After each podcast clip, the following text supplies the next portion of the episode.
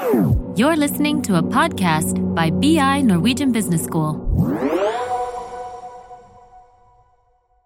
Jeg tenker jo at hvis fra studentenes perspektiv, eller jobbsøkernes perspektiv, så snakker vi ofte om ChatGPT som det var juks i alle sammenhenger. Eh, Og det mener jeg er feil. Velkommen til Karrierepraten, en podkast for karriereinspirasjon og innsikt i arbeidslivet fra Handelshøyskolen BI. Navn er Sigrid Opla Liseth. og i dag skal vi ta for oss eh, KI, eller AI, kunstig intelligens, eh, og se litt på hvilken betydning det har både i eh, jobbsøkerprosessen, altså det å skaffe seg jobben, og hva det har av betydning med det ståstedet vi har nå, i forhold til de jobbene våre studenter skal ut i, og hvilke ferdigheter ikke minst de bør tenke på å skaffe seg for å møte den nye hverdagen med kunstig intelligens. Så velkommen så mye til eh, gjestene mine her. Jeg er veldig fornøyd med at eh, vi har eh, Kate Ingram i studio. Velkommen til deg. Tusen takk. Du har jo vært her Ja, to ganger før har du vært her. Ja. Ja. En gang som representant for Orkla, og en gang for Statkraft. Jeg gleder meg om å bli her igjen. Og for de som ikke har eh, hørt deg før, du, hva, hva burde vi vite om deg? Ja. Eh, jeg jobber i Statkraft, mm. eh, som du, du nevnte. Eh, jeg er leder for Attraction og Mobility, eh, som er rekruttering, employer branding, mobilitet, eh, early careers, onboarding av en ganske brede um, område mm. eh, tvers av Europa. Eh, enn før det jobbet jeg i Orkla, enn en Coca-Cola i Norge. Mm. Eh, enn før det eh, ja, jobbet i London, i England, men også jeg vokste opp i Canada. Ja, så du har mange års erfaring med rekruttering Ja. og eh, talentanskaffelse. Ja. Mm. Ja, absolutt. Jeg har jobbet begge to fra den byråsiden, men også inhouse Ja. i, uh, i selskapet siden. Og Vegard Kolbjørnrud, velkommen til deg også. Takk skal du ha. Jeg ser på deg som BI sin eh, egen eh, KI-ekspert. Det, takk skal du ha. Det er, det er en del andre òg, da. Det er en del andre også, det er det. Det håper jeg jo inderlig at det er. Men vil du også bare gi en liten introduksjon av deg selv? Ja, så jeg er da førsteamanuensis. Det betyr at jeg forsker og underviser her eh, på BI, på Institutt for strategi og entreprenørskap. Og så har jeg en deltidsstilling som seniorforsker i Accenture. Mm. Ehm, og jobbe med forskjellige ting, men eh, det som er mest relevant for i dag, det er jo de tingene som har med kunstig intelligens, organisasjon og ledelse å gjøre. Mm. Og særlig hva skjer når du kombinerer intelligent teknologi med intelligente mennesker. Det er Ja. det jeg lurer mest på, Ja. og det jeg jobber med. Ja, det er jo spot on på hva vi skal snakke om. Så dette gleder jeg meg til. Men jeg tenker jo det vi nesten må gjøre, er jo at eh, vi må bli enige om en definisjon, tenker jeg, på KI. Eh, og det kan jeg jo for så vidt si med en gang. Altså, skal vi si KI eller AI? Hva gjør vi nå, egentlig? Ja, det kan du velge. Det kan man velge. Så det brukes helt likestilt i Norge for tiden. Ja, eh, det virker jo som vi går mer mot KI når det blir allment, så er vi litt flinkere til å bruke norsk, Ja. når, for det oppstår liksom som fagbegrep. Så da, da har det gjerne blitt eh, AI. Men, Ja. Så jeg kommer nok sikkert til å blande litt, men eh, Ja, ja. mener Men det samme. Da, og vi vet, hva, vi vet hva det betyr. Eller det vil si, det skal vi finne ut av nå. Hva er definisjonen på KI som er relevant for denne sammenhengen, tenker jeg. Ja, den definisjonen som jeg bruker, da, i hvert fall, eh, det er at eh, kunstig intelligens er systemer som kan sanse, forstå, handle og lære. Og dermed løse problemer og tilpasse seg komplekse omgivelser på Mm. en eller annen måte. Mm, Um, og sanse betyr jo at man kan fange data fra omgivelsene. mm, Eh, tradisjonelle datakilder eller helt nye datakilder. Forstå er jo en liten sånn stretch, men i hvert fall at man kan trekke ut mønstre av de dataene mm, og omsette det i en eller annen form for handling. mm. Eh, som kan være alt fra selvfølgelig selvkjørende biler og aksjehandelsroboter og sånne ting, eller ChatGPT for den saks skyld, Mm. til at eh, det varsler om at her er det noe gærent, sjekk Mm. dette her. For eksempel, det, bankene har jo kjempeavanserte systemer for å varsle om mulige mistenkelige transaksjoner med med hvitvasking av penger eller terrorfinansiering og den type ting. Mm. Og alt det imellom som er ulik form for støtte eh, og, ja, støtte til oss. Da. Um, så det er, vel, eh, det er vel kort oppsummert. Uh, så teknologi som kan sanse, forstå, og handle og lære. Og læringen er jo en viktig forskjell fra liksom tradisjonell digitalisering, så vi kan kalle det det. Fordi vi har nå systemer som kan lære av erfaring. Mm. og erfaring for en datamaskin, det er jo data. Mm. Så desto mer, desto bedre og mer relevante data, desto mm. bedre blir algoritmene, mm. som er den oppskriften som datamaskinen fungerer etter. Det var en veldig enkel og forståelig og grei forklaring. Eh, jeg har eh, nå ja, lest meg litt ekstra opp, og egentlig gått opp for meg at uh, kunstig intelligens har vi jo holdt på med hva, siden 50 56 var da liksom ja. begrepet ble dannet, ja. og, og, fagfeltet ble på en måte etablert, selv om det finnes noen sånne skal vi si, noen ting som hendte før det også. Ja.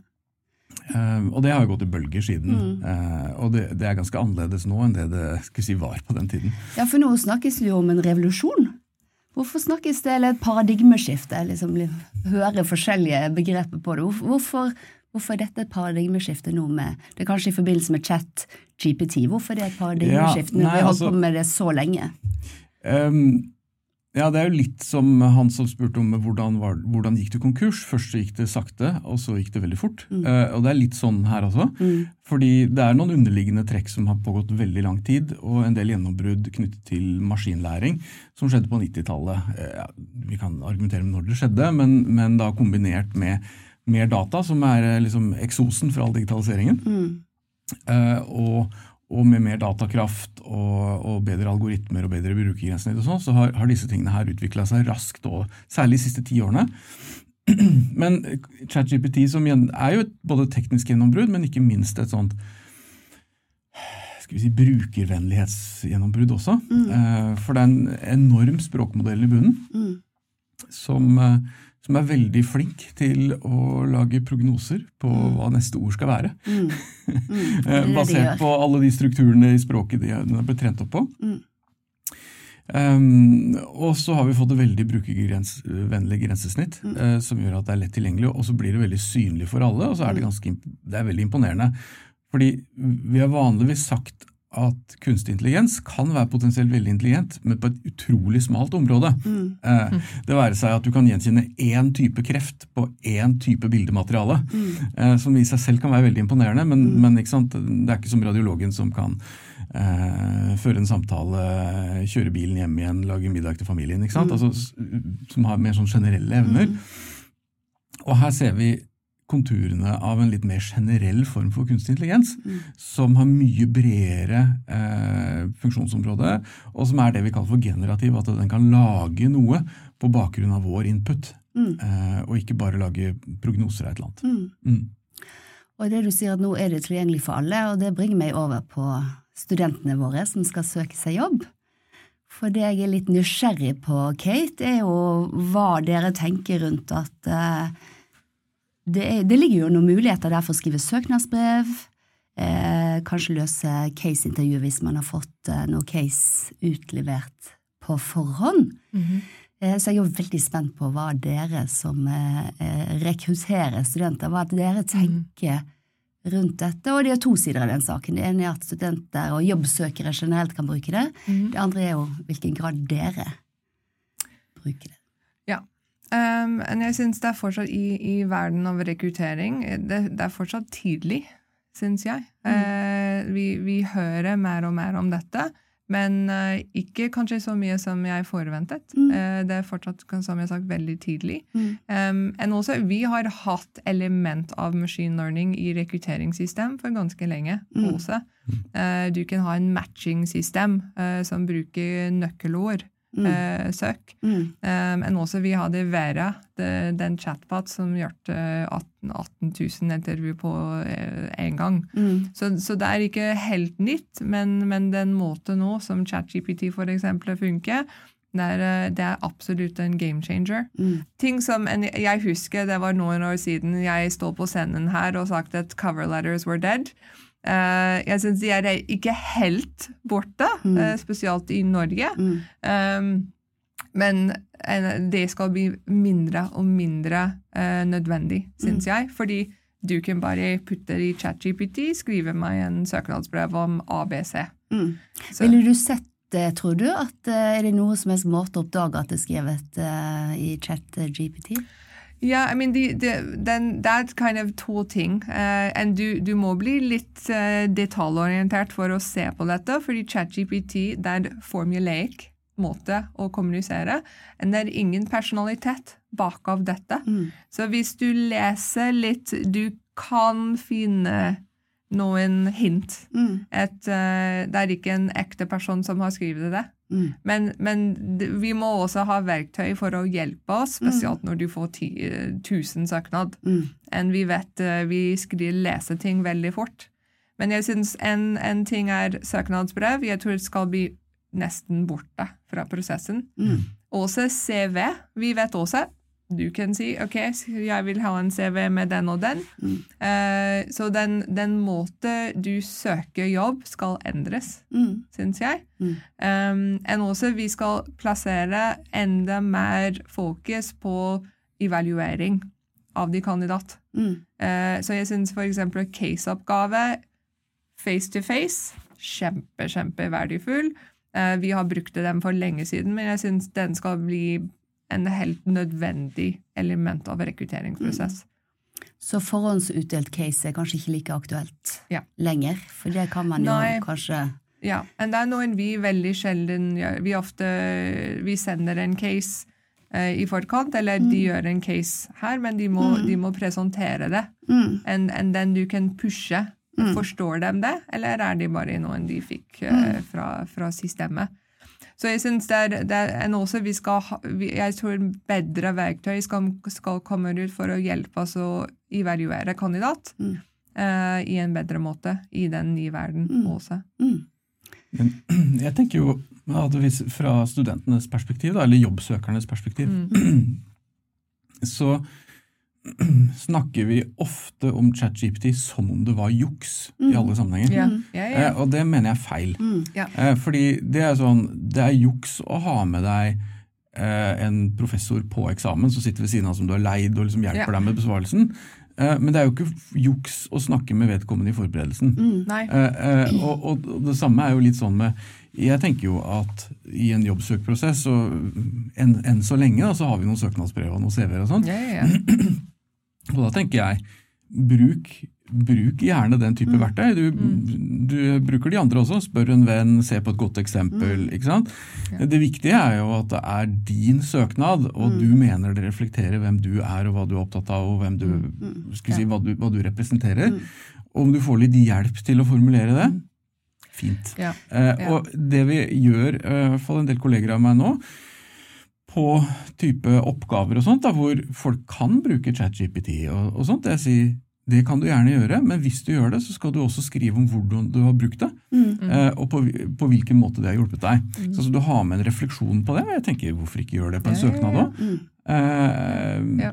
og, og for å si det sånn, hvis du har virkemidler for å fjerne skrivefeil og dårlig språk, eh, da vil jeg som Hvis jeg var, skal vi si eh, noen som så etter nye ansatte, så ville jeg jo forventet at du brukte de verktøyene du hadde tilgjengelig for å sørge for at det ble god kvalitet. Ja, for det er faktisk en egenskap i det også, å ta i bruk ny teknologi. Ja. Ja, absolutt. En del litt, de også sier at eh, ChatGPT kan eh, redusere bias også, fordi alle kan bli god kommunikatør i forhold til eh, søknadsbrev. Mm. jeg er helt enig. Det er samme som å spørre en venn kan du se på dette og redigere det for meg. Så, så ja, jeg, jeg er helt enig. Det, er, eh, det er ikke Brukt i den riktige måte, det er, det er ingen eh, Det er ikke negativ, eh, som, som du nevnte. Ja. Så jeg hører jo likhets, eh, likhetene mellom å skrive en søknad og å skrive en oppgave, da, at man kan bruke det som et, eh, som et verktøy i prosessen. Men jeg tenker at til syvende og sist så er man jo avsender av det selv, så man er jo ansvarlig for innholdet og bør jo virkelig gå inn og sjekke at dette er god kvalitet. Og det bringer meg jo litt over på det, ikke sant. Hva, hva, eh, hvordan, hvordan skal vi gjøre det? Nei, For det første så tror jeg det du nettopp sa, det at vi har fortsatt ansvar for de enten det er studentoppgaver eller arbeidsoppgaver eller de produktene eller tjenestene vi leverer, det er fortsatt vi som er. Det er akkurat som hvis du er leder og delegerer til en ansatt, så, så kan du delegere oppgaven, men du sitter fortsatt igjen med ansvaret for at den oppgaven blir ordentlig utført. Eh, og, og, Sånn er det med teknologi også, og det, da må vi jo skjønne hvordan det virker. Og Det tror jeg kanskje det aller viktigste og mest grunnleggende poenget her, det er at uansett hvilket yrke eller jobbsetting du er i eller sikter deg inn mot, så må du kunne noe teknologi og være i hvert fall nysgjerrig på hvordan du kan bruke det. Um, for, eh, for eh, alle jobber vil ha et innslag av det. Mm. Nå betyr ikke dette at det er kun begrenset til ChatGPT, for nå, liksom, nå, får det all oppmerksomheten. Ja. Mm. Men, eh, og det gjelder ikke bare kunstig intelligens heller. Eh, for kunstig intelligens er veldig mye mer enn ChatGPT, og det kommer ja. vi kanskje ikke tilbake til. Men, mm. men eh, det, det, tror er, det, tror jeg er, viktig å, å, å få med seg, og at eh, litt praktiske ferdigheter, det å bare prøve å, å, å, å skaffe seg litt erfaring. Mm. Eh, sånn at man vet hva det kan brukes til, og hvor begrensningene ligger. Mm. Og at man kan nok til å kunne jobbe med ekspertene. Mm. Eh, sånn at du faktisk har et felles språk, og du skjønner hva de sier, og du vet hvor skoen trykker, og hva som er de vanligste problemene. og De tingene man skal passe på. da. Eh, og det, det, tror jeg gjelder egentlig uavhengig av stillingsnivå og bransje nesten framover. Mm.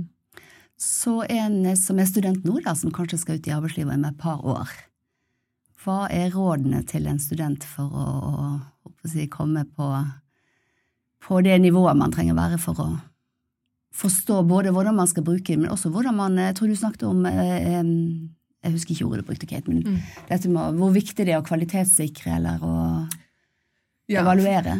Ja, jeg syns, som jeg har sagt, at en ja, assessment-del skal, skal, bli enda mer viktig. Mm. Uh, så, så som, som, du sagt, at ja, du kan skrive alle de ting, men hvis du klarer dem ikke på intervju mm.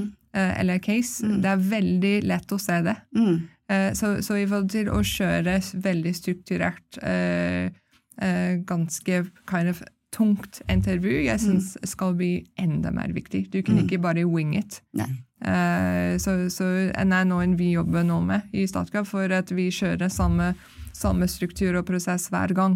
Mm. Fordi vi vet den, den, eh, du får beste resultat uh, fra dette. Så jeg syns vi skal se enda mer struktur, enda mer verktøy rundt intervju-assessment-prosess.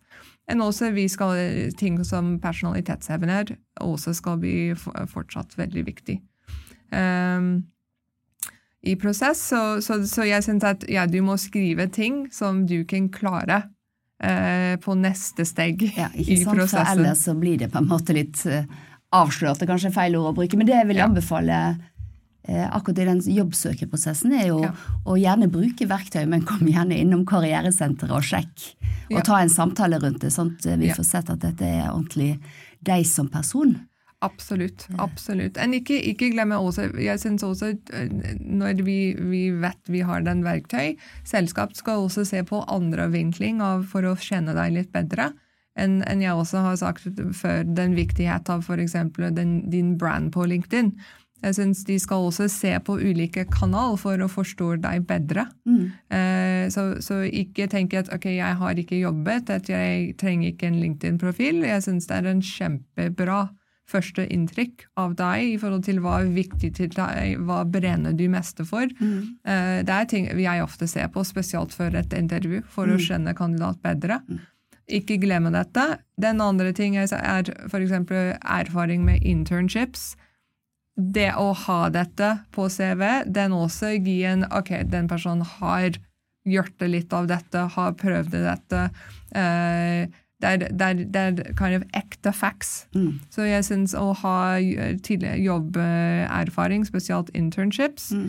den LinkedIn, uh, litt branding på mm. sosiale medier, ikke bare personlig, mm. um, de to tingene er jeg synes, viktig uh, for dem. Enn ikke glemme networking. Mm. Og, og, kjenne de selskap uh, du vil jobbe med. så de også, du er på radar der også. Gode råd eh, hva er AI sine begrensninger? Hva er det den eh, ikke kan gjøre, som er etterlatt eh, til jobbmuligheter oss, hos oss mennesker? Um, hvis vi begynner i andre enden, hva er den spesielt godt egnet til? Eh, så vi som tar det. Eh, generelt informasjonsteknologi er jo veldig bra på informasjonsintensivt rutinearbeid. Mm. når det er repetitivt, og det er mye informasjon, så er det da grunnlag for å trene algoritmer, og det er faste mønstre og sånt. Eh, og det betyr at Og vi har vært vant til at automatisering har stort sett vært på manuelle, manuelle yrker, ikke sant? Men nå er det veldig mange gode, skal vi si, eh, kall det middelklasseyrker, eh, eh, hvor, hvor mange av oppgavene tas over. Det betyr ikke at det blir masse arbeidsledighet nødvendigvis, men, men, men det er da de rutinepregede oppgavene, og da kall det gjerne administrasjon, da. Eh, Der tror jeg nok vi vil se en ganske vesentlig endring. Um, og så ser vi jo nå, og det, det kom litt fortere for mange av oss enn vi kanskje hadde forventa oss, hvor, hvor, hvor mye raskere og mer effektiv f.eks. en programmerers jobb. Fordi programmerere, altså eh, dataprogrammering er jo form for språk. Eh, Et, et språk for datamaskiner, skrevet av mennesker, vanligvis. da. Eh, eh, Så det er mange sånne ting som, som, som endrer seg. Um, ting som krever Hvis vi skal med en sånn grov oppsummering, da, skal vi si at i det lange løp blir alt rutinearbeid automatisert. Ja. Um, og da er spørsmålet hva er det som er igjen. Eh, Da ser jeg for meg at det er i hovedsak to ting. Det er, eh, det er alle former for kompleks problemløsning. Eh, Ikke at teknologien ikke kan hjelpe oss, men på en måte der skjer det ting. Eh, Og personlig tjenesteyting av forskjellige slag.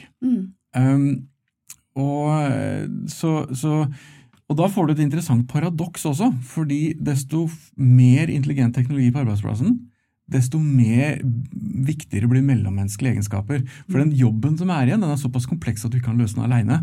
Du må jobbe sammen med andre, og gjerne med andre faggrupper. Eh, Så da får du liksom en, du får en, eh, en Ja, vi må jobbe med å bli bedre på teknologi. Samtidig må vi bli bedre på mellommenneskelige egenskaper. For det er ikke sånn at lederen til slutt blir en sånn en fyr som sitter i et kontrollrom med masse skjermer og bare styrer virksomheten som en liksom sånn der, eh, operasjonssenter. Eh, Det, det arbeidet som er igjen, det vil kreve mer mellommenneskelig aktivitet. Ofte, i hvert fall. Eh, og så Det tror jeg er veldig viktig å se at det er i parallell. Da. Eh, Det blir ikke mindre personlig fordi det blir mer teknologisk, det blir heller mer av begge deler. Mm. Men for det som man må forstå. Ja, og da er det jo greit. Altså, Hvem er det som gjør jobben i organisasjoner? Det er folk og teknologi. Hva må vi skjønne?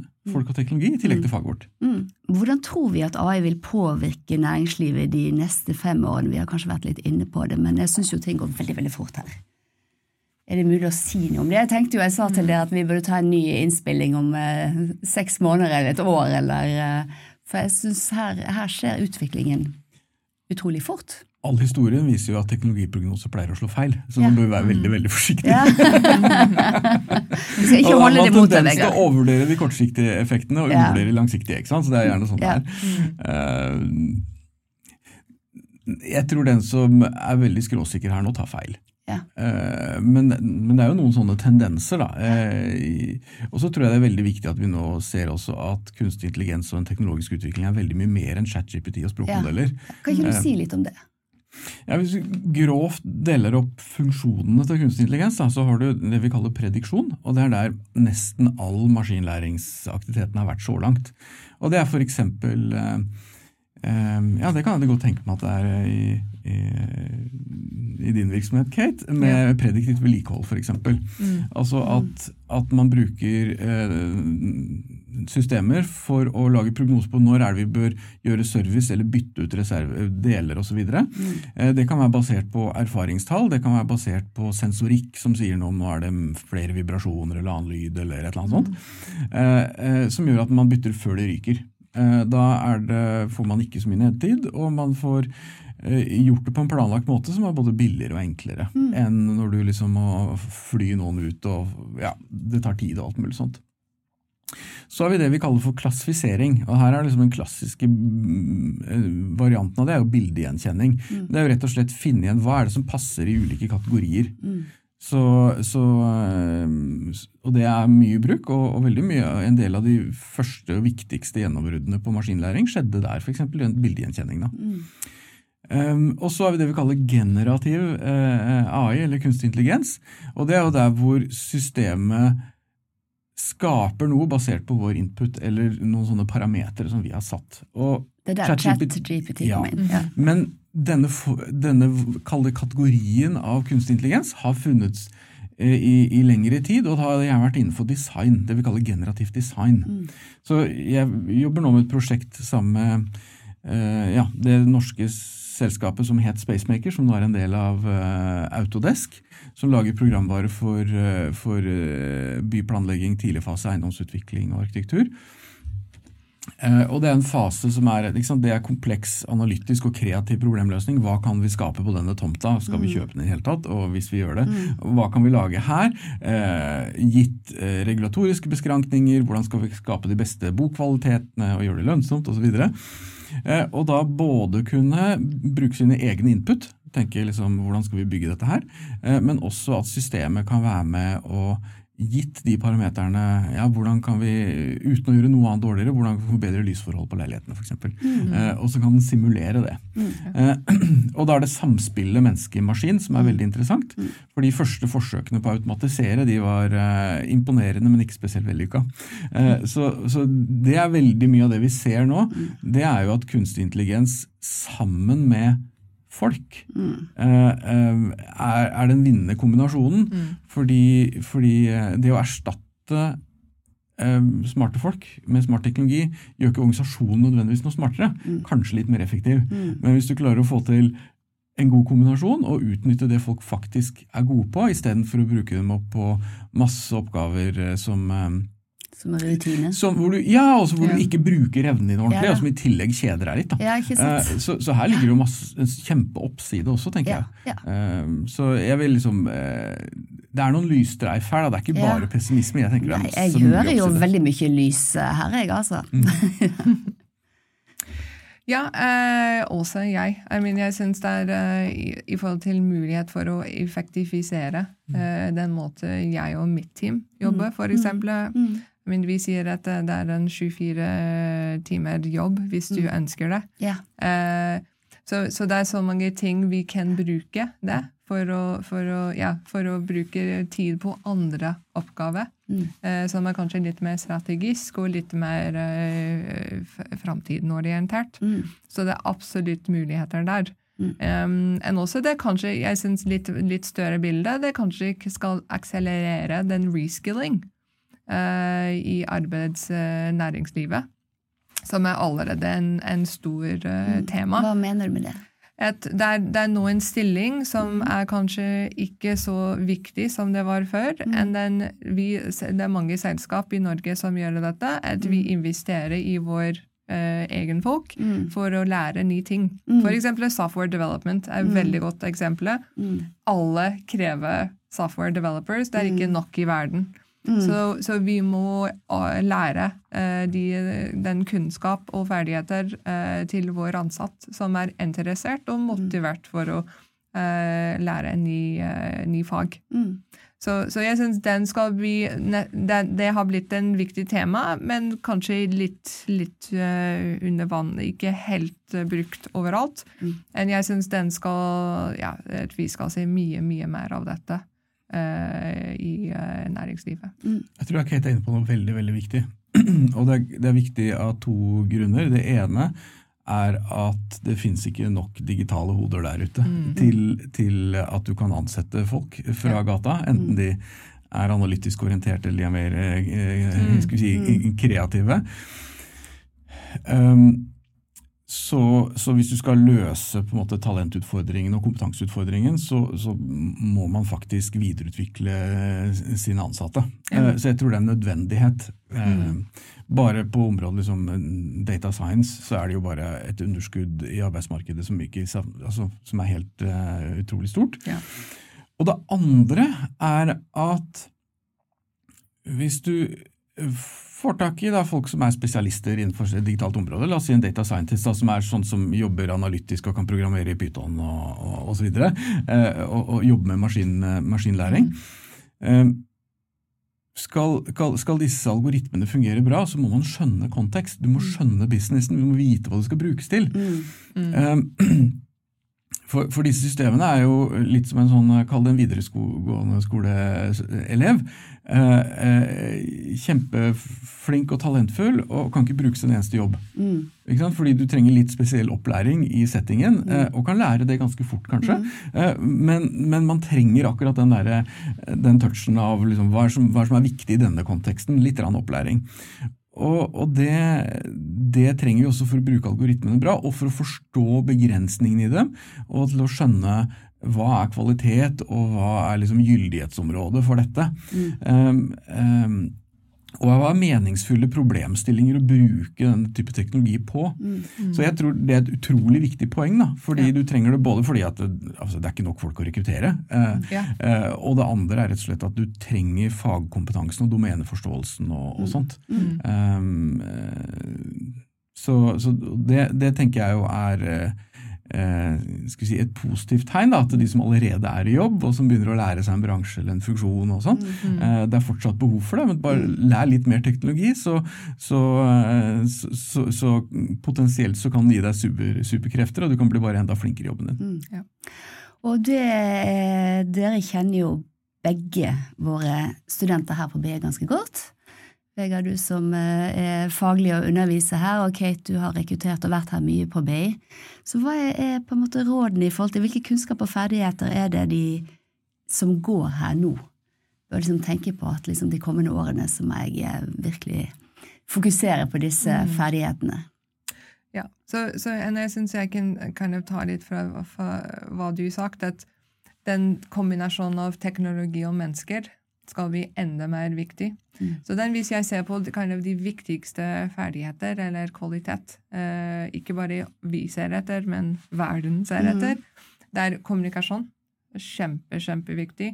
Ledelse også. Eh, um, den eh, blir løsningsorientert. Mm. En også, vi ofte sier nysgjerrighet enn den mm. nysgjerrighet rundt teknologi. Jeg syns de to går, går veldig mm. mye sammen. Mm. Eh, så jeg syns eh, også analyseevner eh, også. Så, så der, I mean, jeg kunne, det er mange ting i den uh, topp ti-list, mm. uh, men jeg syns vi skal se en enda, enda mer uh, store fokus på de, hva vi sier soft skills, EQ, mm. i tillegg til de harder mm. skills også. Mm. Mm. For å bygge på det. Når det gjelder teknologiferdigheter, da, så har vi noen ting som er litt sånn formelle. Altså, jeg tror flere bør lære seg enkel programmering, Python, R, eh, de, de tingene der rundt, mm. rundt, som er maskinlæringsrelatert. Da skal jeg bare spørre deg om en ting. For jeg har tenkt, kan ikke bare jeg spørre en eller annen kunstig intelligens eh, eh om å jo, gjøre det for meg? Jo, men det, det kan du godt si. Men, men, det er et eller annet med hvis du skal forstå hva den type systemer kan klare, og hva det egner seg til, så må du vite litt om dem. Så det betyr ikke at du må bli ekspert, Nei. men du må kunne nok til å skjønne hva det er, ja. Eh, og til å kunne snakke og ha, altså, samarbeide med de mm. som er eksperter på det. Mm. Så du vet også hva du skal spørre om. Mm. For det tror jeg er kanskje en nøkkelferdighet. da. Mm. For Du nevnte løsningsorientering, og jeg vil også si nesten det motsatte. Eh, eh, problemfokus. Hvordan klarer du å formulere hva er den grunnleggende problemstillingen her, og hva er det jeg faktisk skal be kollegaene mine hjelpe meg med, mm. men også teknologien. For du ser jo det nå, hvis du skal ha noe vettug ut av, mm. uh, av ChatGPT, så må du kunne skrive gode prompter. Mm. Men det betyr at du egentlig forstår hva er oppgaven som skal løses, mm. sånn at du kan mm. gi en god instruksjon. Uh, og da da må du, da må du liksom skjønne hva er egentlig utfordringen, hva er det jeg mm. prøver å løse her nå? Mm. Eh, og det er egentlig å skjønne problemet like mye som det er å skjønne løsningen. ikke sant? Ja. Og det å kunne iterere mellom, mellom det. og mm.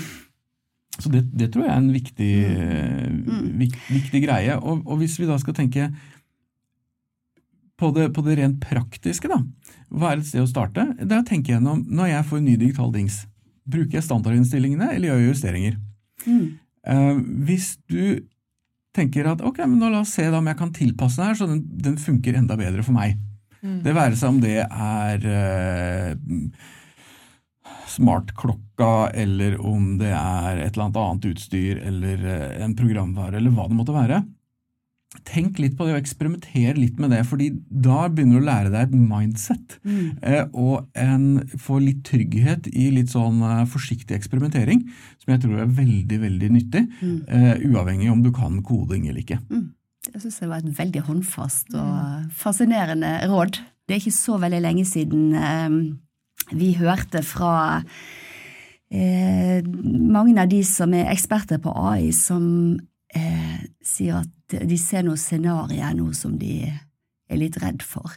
Hva er det egentlig de Hvilke scenarioer er det de frykter? Hva, hva, hva er det for noe?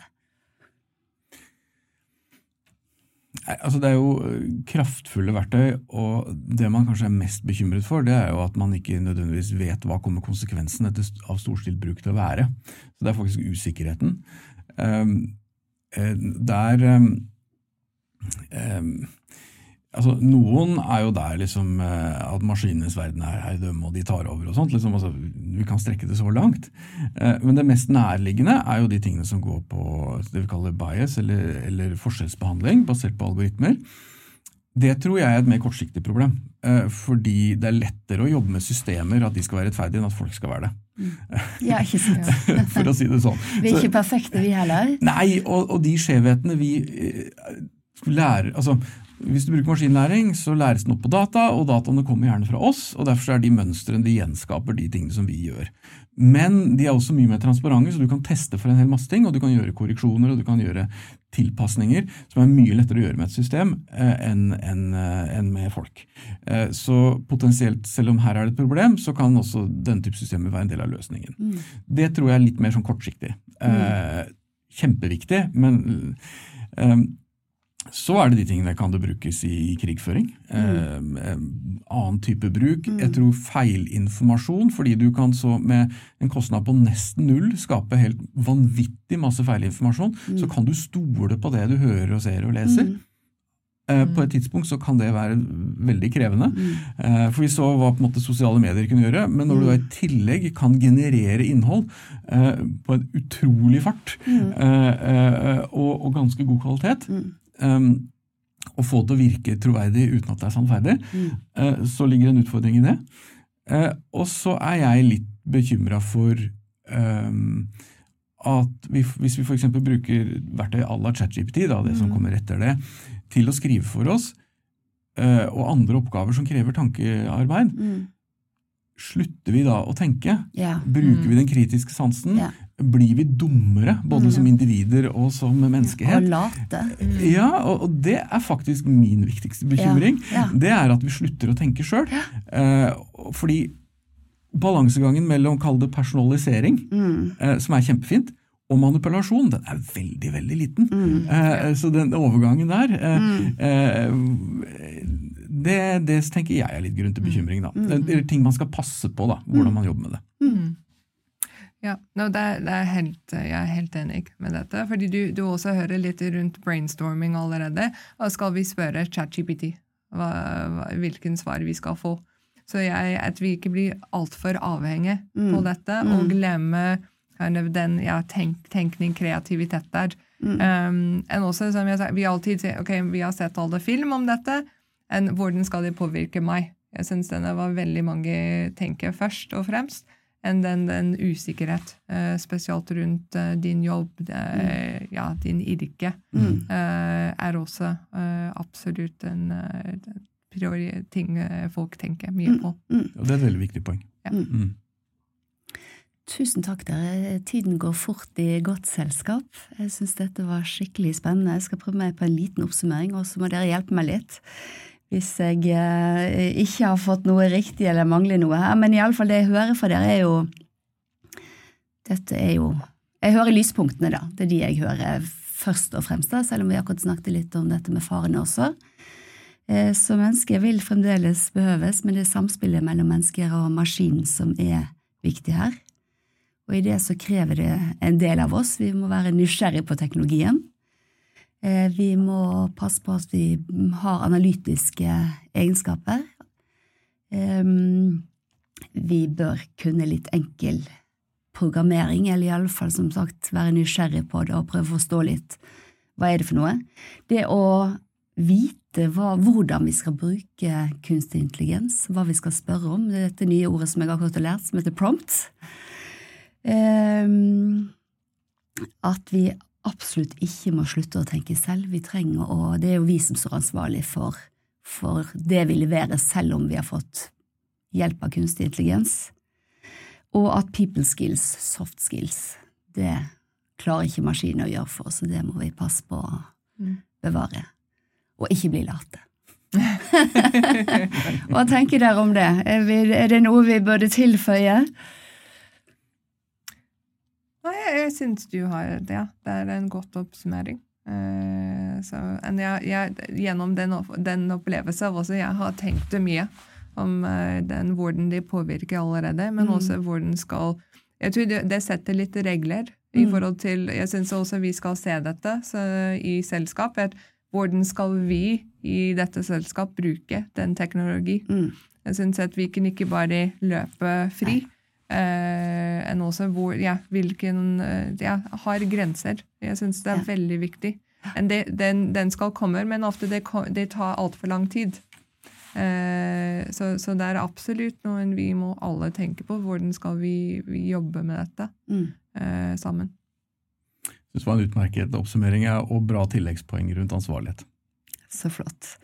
Og så, som vi har snakket om, eh, utviklingen skjer fort her, så jeg tror jeg skal invitere deg tilbake i studio om hva skal vi si, hva tror vi, seks måneder, tolv måneder, når burde vi tatt en avsjekk igjen? Hvor fort går det, er det kanskje mulig å svare på. Det, det, ser vi når vi beveger oss framover, tenker jeg. Tiden vil vise. Ja. Så tusen, tusen takk til dere begge to. Det har vært veldig spennende og interessant.